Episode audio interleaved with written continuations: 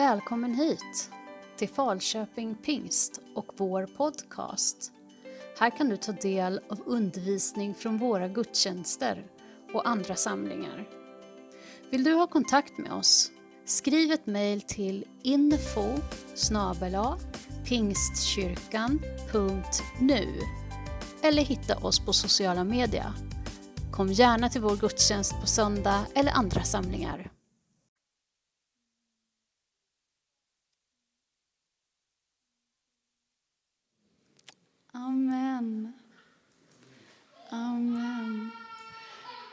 Tänkte faktiskt börja med att be, men det är ju fantastiskt när man har en församling som ber eh, med en och för en. Ja, nej, tack. Eh, fantastisk sång, det är ju en predikan bara i sig, denna sången. Den är så stark, eh, verkligen. Ehm, men ni får lyssna till en till predikan. För er som inte känner mig, jag heter Emilia. Jag är ju då praktikant här i församlingen. Jag pluggar teologi och i det har man praktik också. Och jag har min praktik här, men även sen i vår så kommer jag att eh, vikariera som barnpastor för Hanna när hon är mammaledig. Så eh, ni kommer få se mig mer. eh, ja, vem är vem, mer vem jag är? Jag är ändå relativt ny och jag känner ju inte er alla. Jag är gift med David som sitter där. Det är så jag har kommit hit till Falköping och det är jag väldigt glad för. Eh, lyckligt gift, nygift är jag.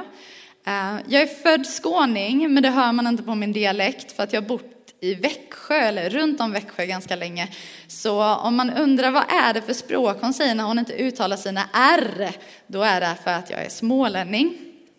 Eh, och jag tycker att det ska bli jättekul att få predika för er. Jag ser det väldigt, eh, att ni har förtroendet för mig, att jag får predika, det tar jag inte lätt på. Det är jag tacksam för.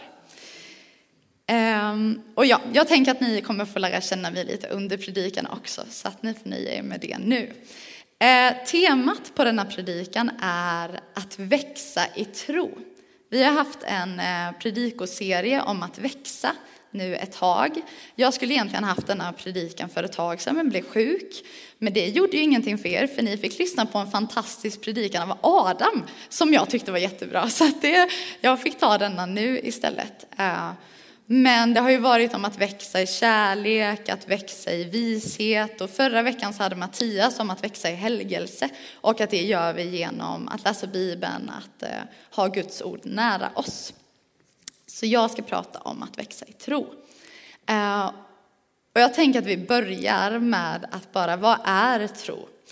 Eh, och det finns ett ganska känt bibelord från Hebreerbrevet 11 och 1 som jag tänker att vi kan läsa. Tron är en övertygelse om det man hoppas, en visshet om ting som man inte ser. Eh, jag tycker jättemycket om denna versen och den säger ganska tydligt vad tro är. Det är en övertygelse och en visshet om någonting som man kanske inte ser, om någonting man hoppas, men det är någonting som finns inom mig, en övertygelse inom mig. Men verserna efter detta fortsätter sen med att beskriva eh, bibelpersoner och deras tro. Och där står det bland annat om att i tro byggde Noa arken. I tro så lydde Abraham Gud.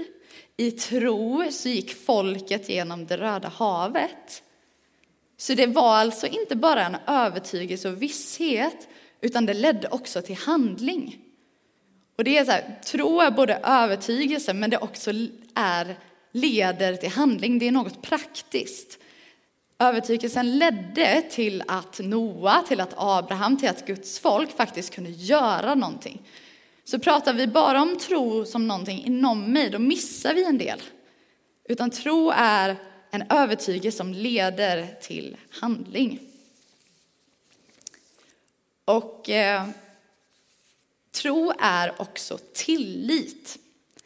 Eh, om man läser Jesaja bok så får man se ganska, blir det ganska tydligt att Jesaja bok när det pratar om synd eller otro, då handlar det om att folket inte litar på Gud. Och tro handlar om att lita på Gud. Vi, eh, ska läsa en text snart ur Jesaja, men bara lite bakgrundshistoria ehm, till det.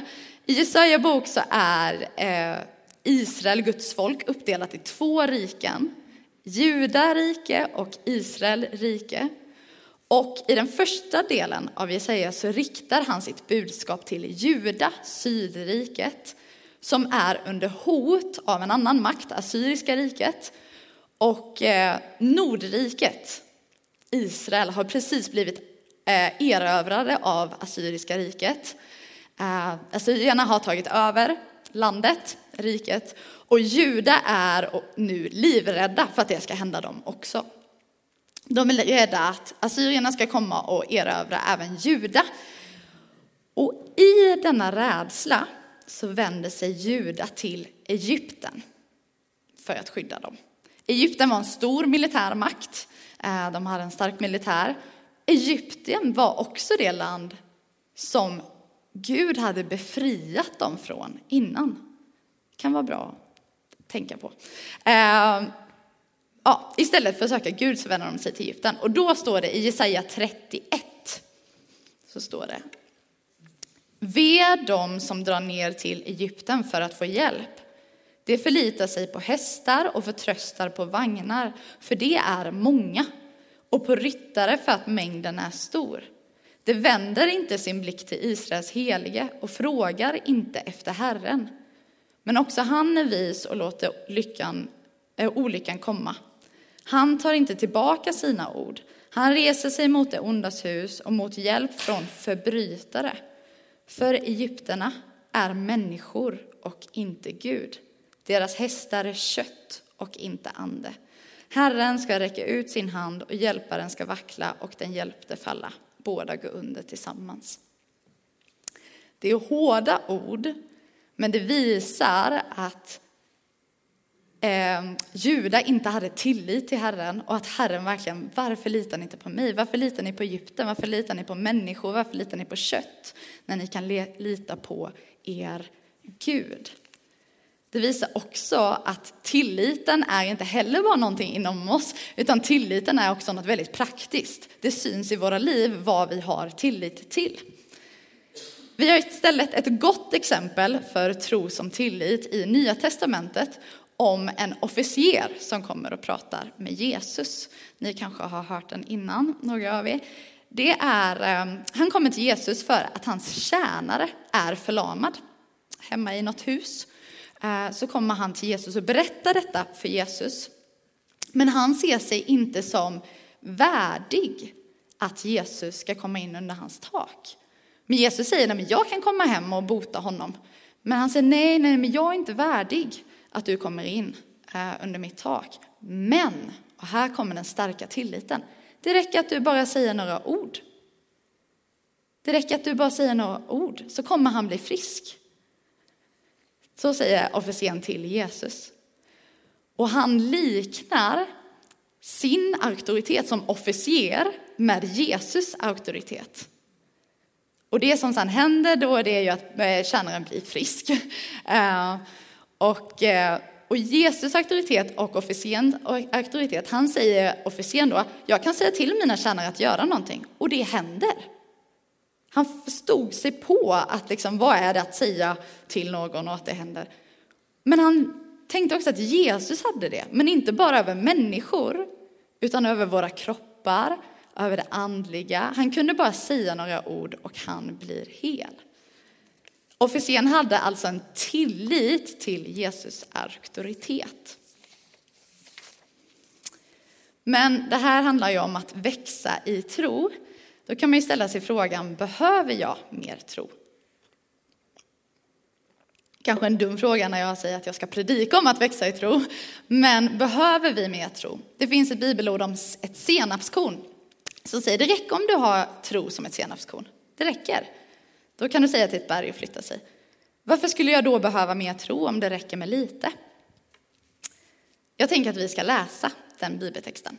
Och det, jag bara en liten eh, kommentar. Jag, i mina predikningar gillar jag bibelord. Jag gillar att hänvisa till bibelord jag gillar att läsa bibelord. Så förlåt, det blir ett gäng bibelord. Men Mattias hade ju sagt förra veckan att det var bra med Guds ord. Så att jag tänker att vi tillämpar det idag redan. Eh, ja, vi ska läsa från Matteus kapitel 17, vers 14 till 20. Där ja. När de sedan kom tillbaka till folket gick en man fram till Jesus och föll på knä för honom och sade Herre, förbarma dig över min son. Han är månadssjuk och svårt plågad. Ofta faller han i elden och ofta i vattnet. Jag tog honom till dina lärjungar, men de kunde inte bota honom. Jesus svarade, detta fördärvade släkte som inte vill tro. Hur länge ska jag vara hos er? Hur länge ska jag stå ut med er? Hämta hit honom till mig. Jesus talade strängt till den onda anden och den för ut ur honom. Från den stunden var pojken botad. När lärjungarna hade blivit ensamma med Jesus kom de fram och frågade varför kunde inte vi driva ut den? Han svarade därför att ni har så lite tro. Jag säger er sanningen, om ni har tro bara som ett senapskorn så ska ni säga till det här berget, flytta dig dit bort och det kommer flytta på sig. Ingenting kommer att vara omöjligt för er. Det här är då hela kontexten för den här bilden av tro som ett senapskorn. Jesus säger faktiskt till lärjungarna vid flera tillfällen att de har så lite tro. Ehm, och det verkar som att han ville att de skulle växa i tro. Det verkar som att han ändå liksom inte bara sa det för att kritisera dem, utan också ville att de skulle växa i tro. Men vad menar han då med att senapskornet räcker? Om det är litet, då borde ju lite tro räcka. Han säger ni har så lite tro. Då borde ju det räcka. Vad menar han egentligen? I en annan liknelse av senapskornet så står det att det är det minsta av frön. Och jag vet inte hur många som äter lutfisk till jul. Vi, eh, ja, det är några som rynkar på näsan. Det är kanske olika åsikter om lutfisk. Vi har en tradition hemma att äta lutfisk på juldagen. Och då brukar vi alltid mortla vår egen senap. Och en jul så var det, sa mormor till mig att göra det. Och då reflekterade jag över detta. Så här, senapskorn, det minsta av alla. Alltså bara, det här är ju inte så litet tänkte jag då. Nej, men det är ju inte det minsta av frön. Vi har ju mindre här i Sverige i alla fall. Det kanske inte är samma frö som de hade på den tiden, men jag bara nej, så litet kan det ju inte vara. Eh, men vad är det då som, ja, vad, vad, betyder det då? Idag är inte det det minsta av frön, men på Jesu tid, det kanske var det minsta, det har jag faktiskt inte kollat upp, men det var en bild, en symbol för det minsta. Det var en symbol för det som var det lilla.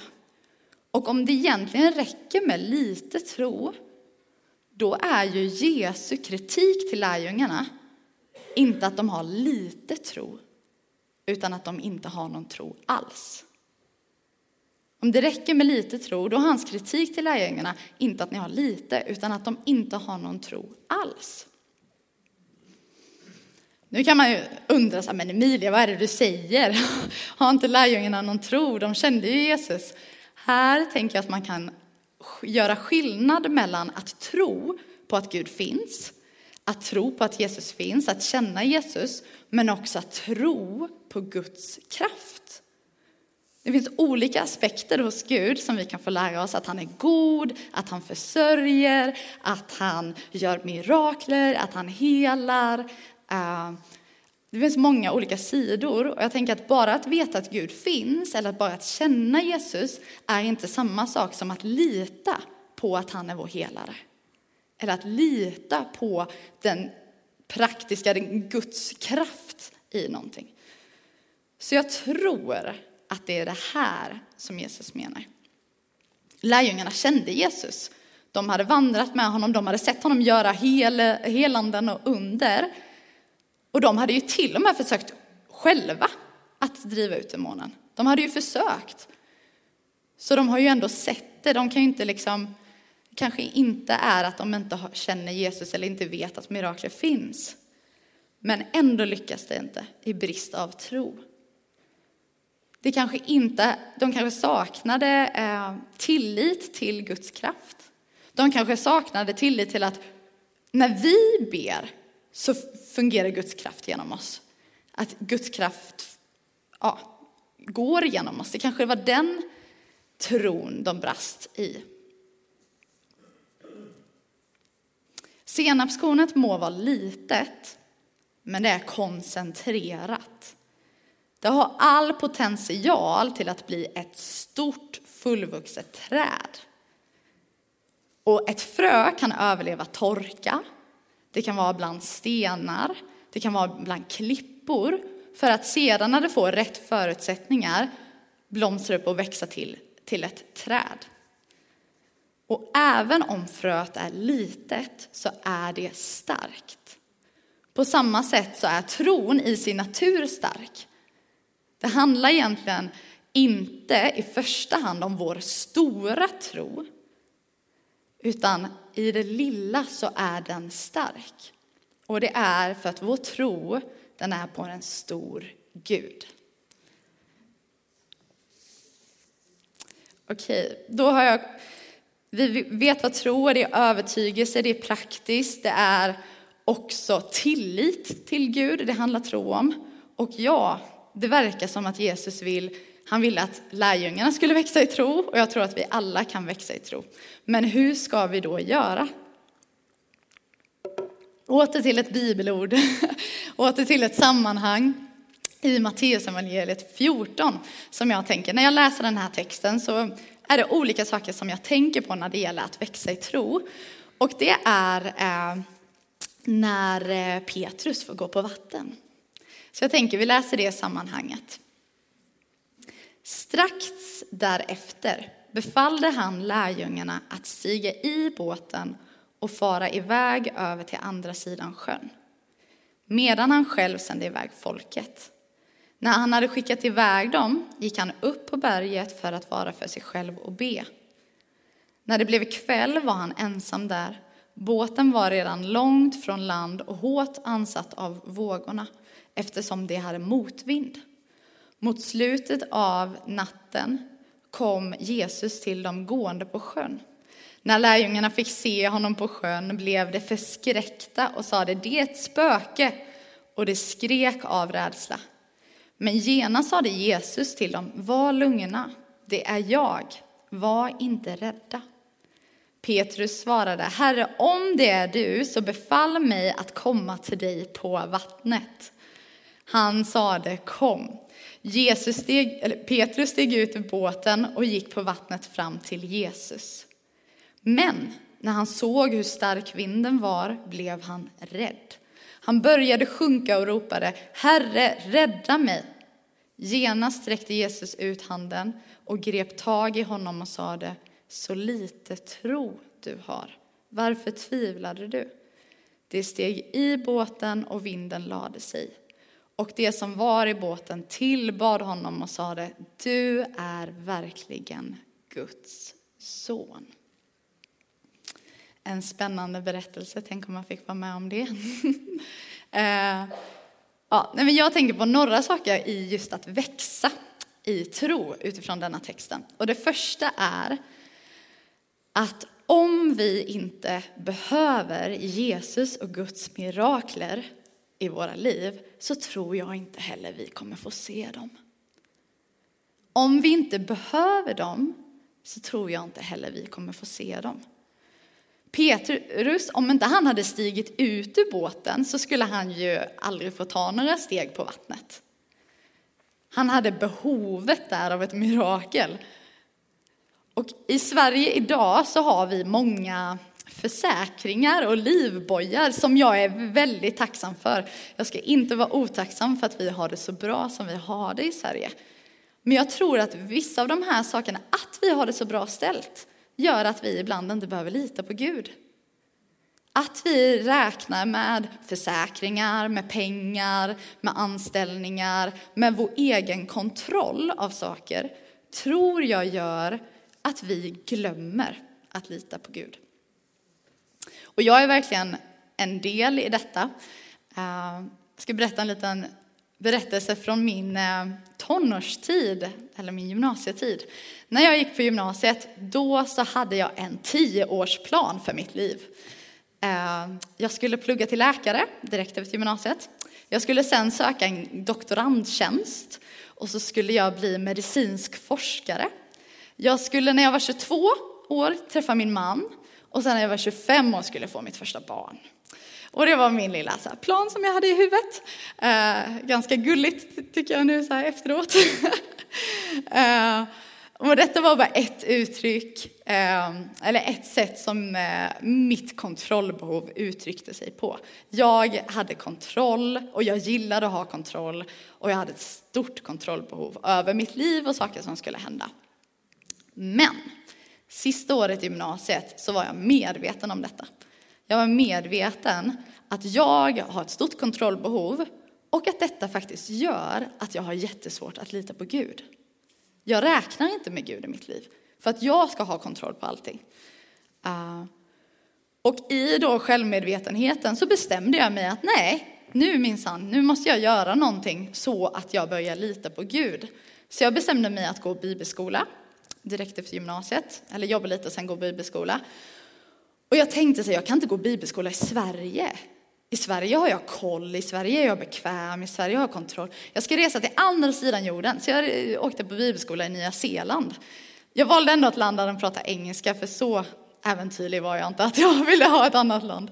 Eh, men jag är verkligen så här, nej men dit, jag vill ändå resa, men jag reser så långt jag kan. Och så tänkte jag också att nej men teori om Bibeln och teori om tron, att läsa mycket, det, det är jag bra på. Och det är jag bekväm med. Nej, nej, nej, det ska jag inte bara ha. Jag måste göra någonting som jag är obekväm med. Så jag valde en missionsskola. För det tänkte jag, med mission, då, då måste man ju lita på Gud. Eh, så att eh, jag verkligen eh, bestämde mig att det här ska jag göra. Jag måste till någon plats där jag inte har kontroll. Och åh vad jag grät när jag hoppade på första flyget i Arlanda. Jag grät och jag grät. Jag är en gråtare, jag gråter när jag känner känslor oftast. Men jag grät och grät och grät hela första flyget. Och sen mellanlandade jag i Peking i 15 timmar var jag där på flygplatsen. Och det var jättekallt var det och jag drog ner mössan över ögonen och satt på en stol och så lät jag bara tårarna rinna och grät och grät och grät. Nej, det var inte en rolig resa första delen där. Ehm, men sen så kom jag till andra flyget och det var ja, men cirka 12 timmar långt. Och jag ville bara sova. När det gått ungefär halva tiden så hade jag fortfarande inte kunnat ens somna, nicka till. Inte, jag kunde inte sova, jag var så rädd, stressad, ledsen och jag fick panik. Så jag gick in på toan på flygplanet och nästintill skrek till Gud att nu gör jag detta för dig. Jag åker till andra sidan jorden för att jag vill lita på dig. Jag vill ge mitt liv till dig. Jag vill inte själv ha kontroll.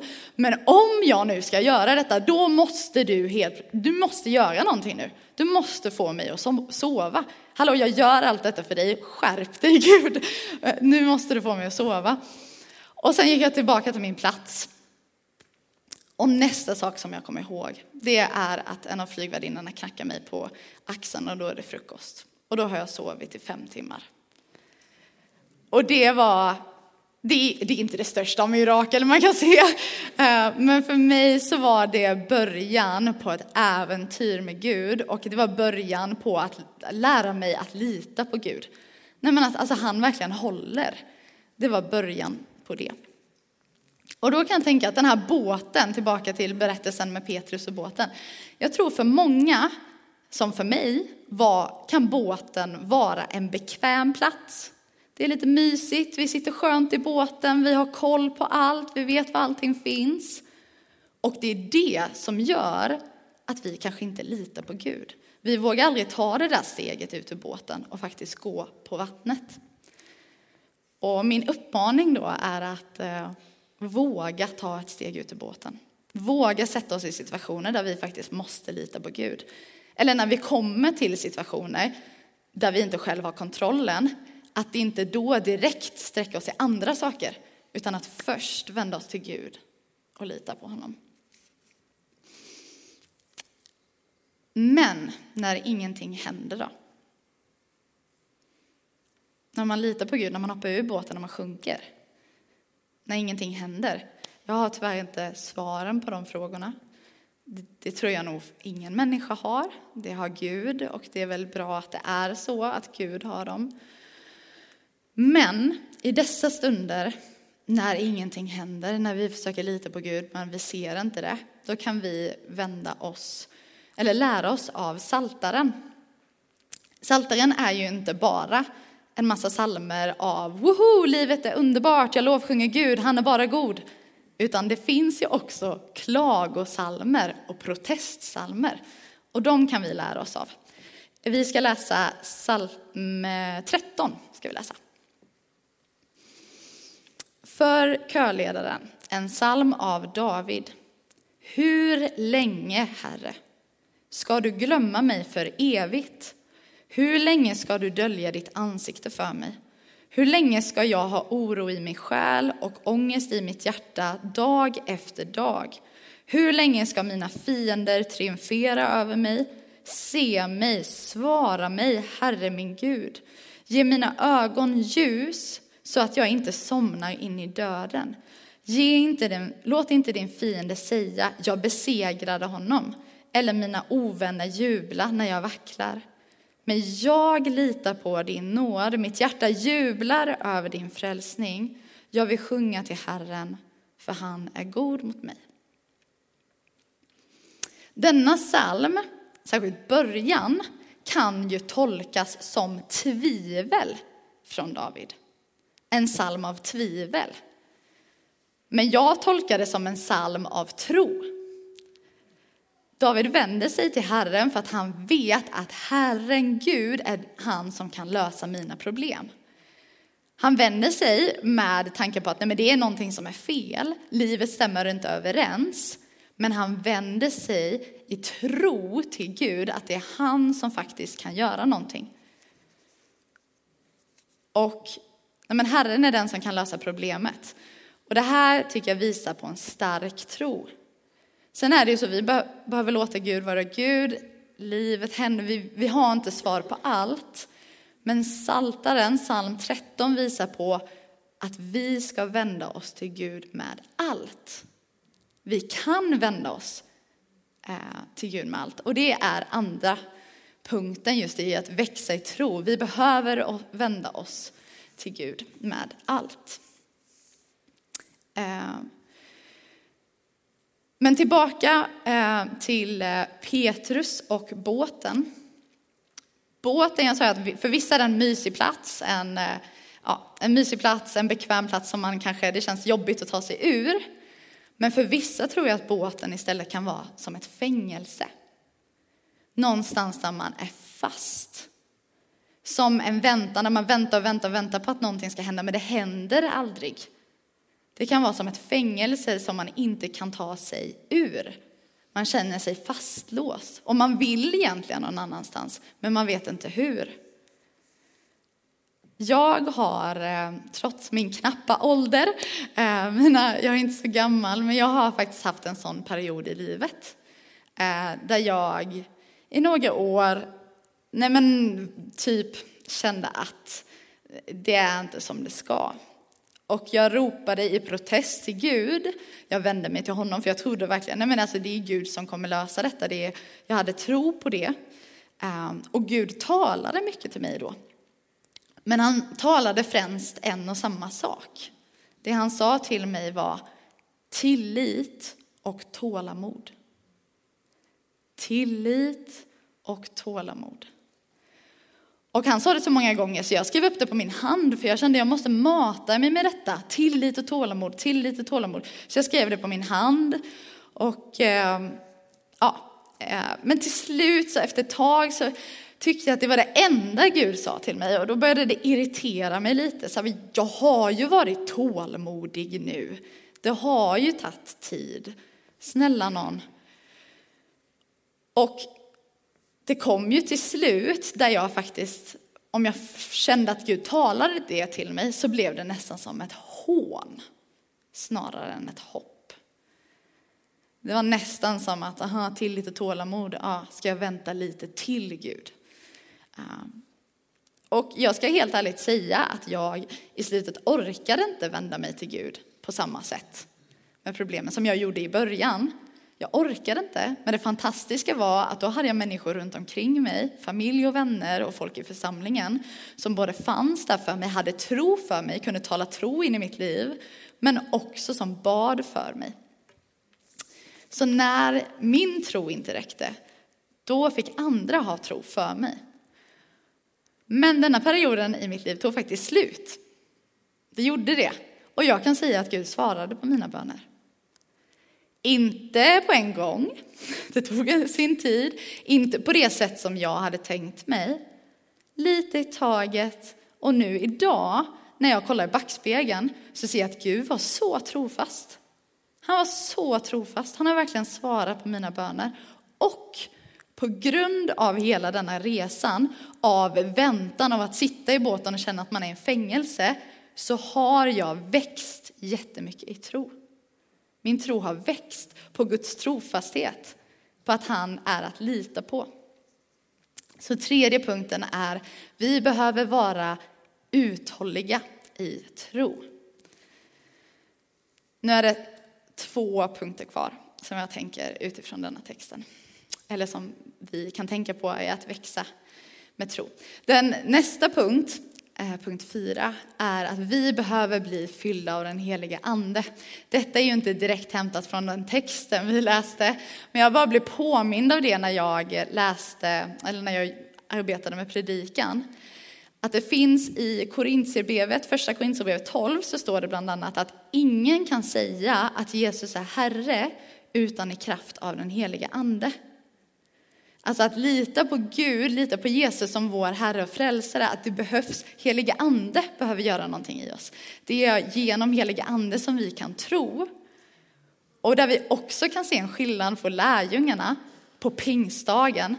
De satt först instängda i ett hus, i ett rum, de var rädda, de visste inte vad de skulle göra, de var med varandra, kanske bad.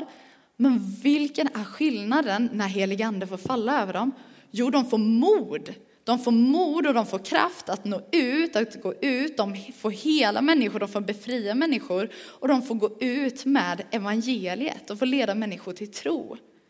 Det är skillnaden i tro när vi blir fyllda av den heliga ande.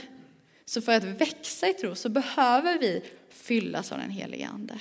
För första gången, men på nytt och på nytt och på nytt. Vi behöver heliga andes kraft för att växa i tro. Och den sista, sista punkten. Och det här är egentligen, det borde egentligen vara den första. Men jag tycker att det ändå blir snyggt med att sluta med Jesus. Vi behöver se på Jesus. När, Jesus, eh, när Petrus tro inte räckte när han var på vattnet så räckte Jesus ut handen åt honom och hjälpte honom. Och när Jesus och Petrus sen kom tillbaka till båten med lärjungarna, då sa de, du är verkligen Guds son. Och jag tror att vi, att få se på Jesus, att få lära känna honom, att få vända oss till honom gör att vår tro växer. Men jag tror också att när vi tar ett steg i tro så får vi lära känna Jesus mer. Att både, båda, om vi vänder oss till Jesus först så får vi större tro. Och tar vi ett steg i tro så får vi se mer av vem Jesus är. Ehm, och det finns så många olika eh, egenskaper, bilder av vem Jesus är. Jag tänker predikoserien vi haft innan om att han frälser, han helar, han döper i helig ande, han är konungen som kommer. Vi får lära känna Jesus mer och i det får vi växa i tro. Och det finns löftet om, det står i andra Timoteusbrevet 2.13, är vi trolösa förblir han trofast, för han kan inte förneka sig själv. Saknar vi tro, känner vi att nej men jag har inte så mycket tro idag, han är ändå densamme. Han är densamme igår, idag och i evighet. Han håller det han lovat. Han är trofast. Han är vår fasta klippa. Saknar vi tro så ska vi springa till honom. För han står fast. Han står alltid fast. Ja, nu så ska vi avrunda och eh, vi ska få lovsjunga tillsammans. Men jag tänker nu, det här var ju inte den juligaste predikan kanske. Men vad är det egentligen julen handlar om? Den handlar om att Jesus kom till oss. Det handlar om att vi tänker kanske att det handlar också om julmaten och familjen och presenterna och klapparna och allt som ska hända. Men det, alltså huvudpersonen, det är Jesus. Och låt oss nu få se på Jesus i jul. Låt oss fokusera på honom och låt oss ta steg i tro nu i jul. Låt att han kom till oss, låt det få betyda någonting i våra liv. Låt vår tro växa när vi påminns om det. Och vare sig vi är nya i tro, kanske inte ens tror, eller om vi har gått med Jesus i 50 år, så behöver vi alla växa i tro. Vi behöver alla växa i tro. Och vare sig vi sitter i båten och tycker att det är väldigt bekvämt, eller om båten har blivit ett fängelse mitt i väntan, så behöver vi tro. Vi behöver alla växa i tro. Vi behöver alla fästa vår blick på Jesus. Så återigen bara påminnelse om hur kan vi växa i tro. Vi behöver vara i behov av Gud. Vi behöver vända oss till Gud med allt. Vi behöver vara uthålliga i tron. Vi behöver bli fyllda med den helige Ande och vi behöver se på Jesus. Vi ber. Tack Jesus att du är den du är. Tack Jesus att du är vår Herre och du är vår frälsare. Vi vänder oss till dig, vi ser på dig och eh, vi tror på dig. Jesus Gud, hjälp oss att växa i tro. Hjälp oss att ta ett steg om vi är för bekväma ut i båten. Hjälp oss att också se att väntan inte är ett fängelse, men det finns hopp. Att du är trofast, att du kommer göra någonting, att du är vår fasta klippa genom allt. Gud, tack att du är den du är och tack att vi kan luta oss mot det. Hjälp oss nu. Helige Ande, kom och fyll oss och låt oss få växa i tro. Mm. I Jesu namn. Amen. Jag tänker att vi kan fortsätta vara i bön. Vi kommer att lovsjunga och sjunga sången Jesus är i centrum. Jag tänker att det verkligen, låt det få vara en lovsång och en bön att Jesus är i centrum utav allt. Jag tror på honom, jag ser på honom och att det också får vara en ny start i att få växa i tro tillsammans. Jag tänker vi kan ställa oss upp så lovsjunger vi.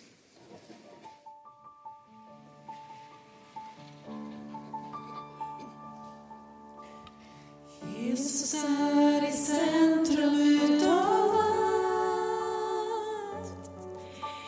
Jesus är i centrum utav Du har lyssnat till undervisning från Falköping Pingst. Gud välsigne dig.